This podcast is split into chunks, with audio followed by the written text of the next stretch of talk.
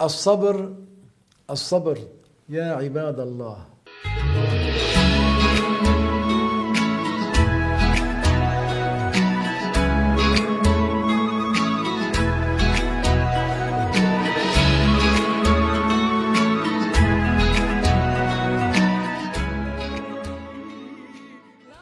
الحمد لله وصلى الله وسلم على رسول الله.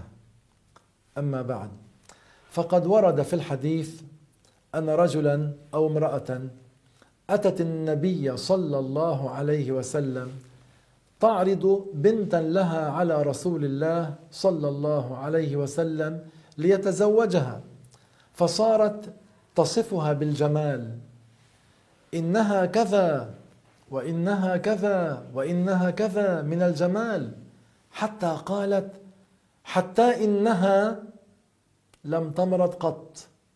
فقال النبي صلى الله عليه وسلم لا حاجة لي فيها. الرسول عليه الصلاة والسلام لم يتزوجها لأنه علم أن هذه المرأة حيث لم تصب ببلاء قط الله تعالى ما أراد بها خيرا كبيرا. لو أن الله تعالى أراد بها خيرا كبيرا لابتلاها. أليس قال صلى الله عليه وسلم؟ من يرد الله به خيرا يصب منه. من يرد الله به خيرا يصب منه أي يبتليه. لذلك ما يظنه بعض الناس من أن الإنسان إذا كان متقلبا في الراحات والنعيم ولا يمرض إلا قليلا هذا من علامة حب الله لهذا الإنسان أو لهذا العبد؟ هذا غير صحيح. هذا غير صحيح. فالجهال الذين لم يفهموا الدين لم يتعلموا الدين كما يجب يظنون أن الذي تكثر عليه المصائب هو يكون قليل الحظ. في الخيرات في الدرجات عند الله. يظنون عكس الحقيقة. بعضهم يقول آه أبصر هذا يصيبه كذا وكذا ليس له ليس له عند الله درجة. هذا غير صحيح. حتى أن بعض الناس عندما يبدأون بالصلاة ويتركون المحرمات التي كانوا يعملونها تصيبهم المصائب. فيقولون هذه المصائب ما كانت تصيبنا قبل أن نقبل على الطاعة. عندما أقبلنا على الطاعة أصابتنا هذه المصائب. لأننا أقبلنا على الطاعة فيتشاءمون بالعبادة والعياذ بالله تعالى. والتشاؤم بطاعة الله يكون كفرا والعياذ بالله تعالى. وسبب هذا البعد عن تعلم علم الدين. البعد عن تعلم علم الدين. اليوم يسأل بعض الناس يقول هل الله يحبني أو لا يحبني؟ لأنه يرى في نفسه التقلب في الطاعة في في النعيم وفي الملذات. علامة حب الله للعبد أن يكون متبعا لسيدنا محمد صلى الله عليه وسلم اتباعا كاملا. من اتبع النبي عليه الصلاة والسلام اتباعا كاملا هذا هو علامة حب الله لهذا الإنسان.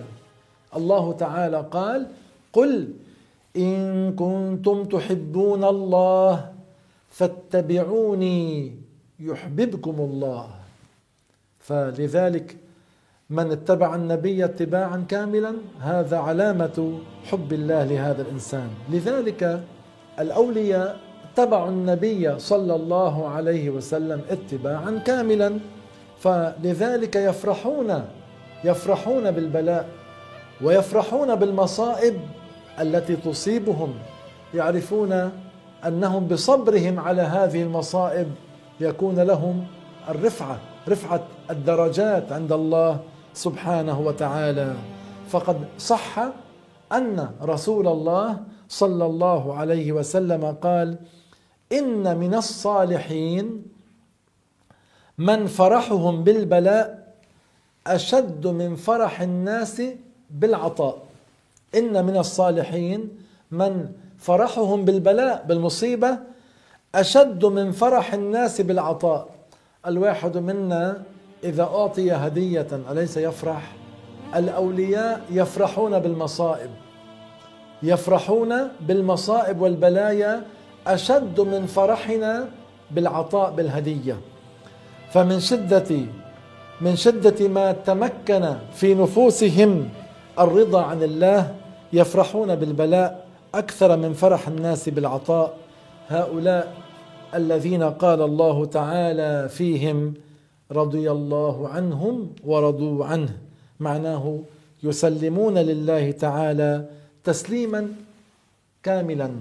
مهما أصابهم من المصائب فإنهم لا يخرجون عن الرضا عن الله. فهنا إن أصابتك المصائب تذكر أحوال الاولياء إن أصابتك المصائب تذكر أن أشد الناس بلاء في الدنيا. الأنبياء أشد الناس بلاء في الدنيا كان الأنبياء وبعدهم الأولياء ثم الأمثل فالأمثل يبتلى الرجل على حسب دينه. لذلك المسلم الذي يواقع المعاصي وهو ضعيف في أمور الدين ويبقى في عافيته وصحته وتنعمه هذا حظه قليل في الآخرة. أما المسلم الذي إذا واقع بعض المعاصي تصيبه مصيبة هذا يكفر الله عنه في الدنيا بهذه المصائب. وقد حصل أن رجلا في زمن رسول الله صلى الله عليه وسلم كان يمشي في الطريق فرأى امرأة أعجبته فنظر إليها فبينما هو كذلك اصطدم رأسه بجدار فطلع منه الدم فأتى رسول الله صلى الله عليه وسلم قال له يا رسول الله إني كنت أنظر إلى امرأة عجبتني فبينما أنا كذلك فاصطدم رأسي بجدار فطلع منه الدم فقال له النبي عليه الصلاة والسلام أنت عبد أراد الله بك خيرا. أنت عبد أراد الله بك خيرا أي أن هذه الصدمة التي سببت لك خروج الدم كفارة عن تلك المعصية التي عملتها من نظرك إلى تلك المرأة.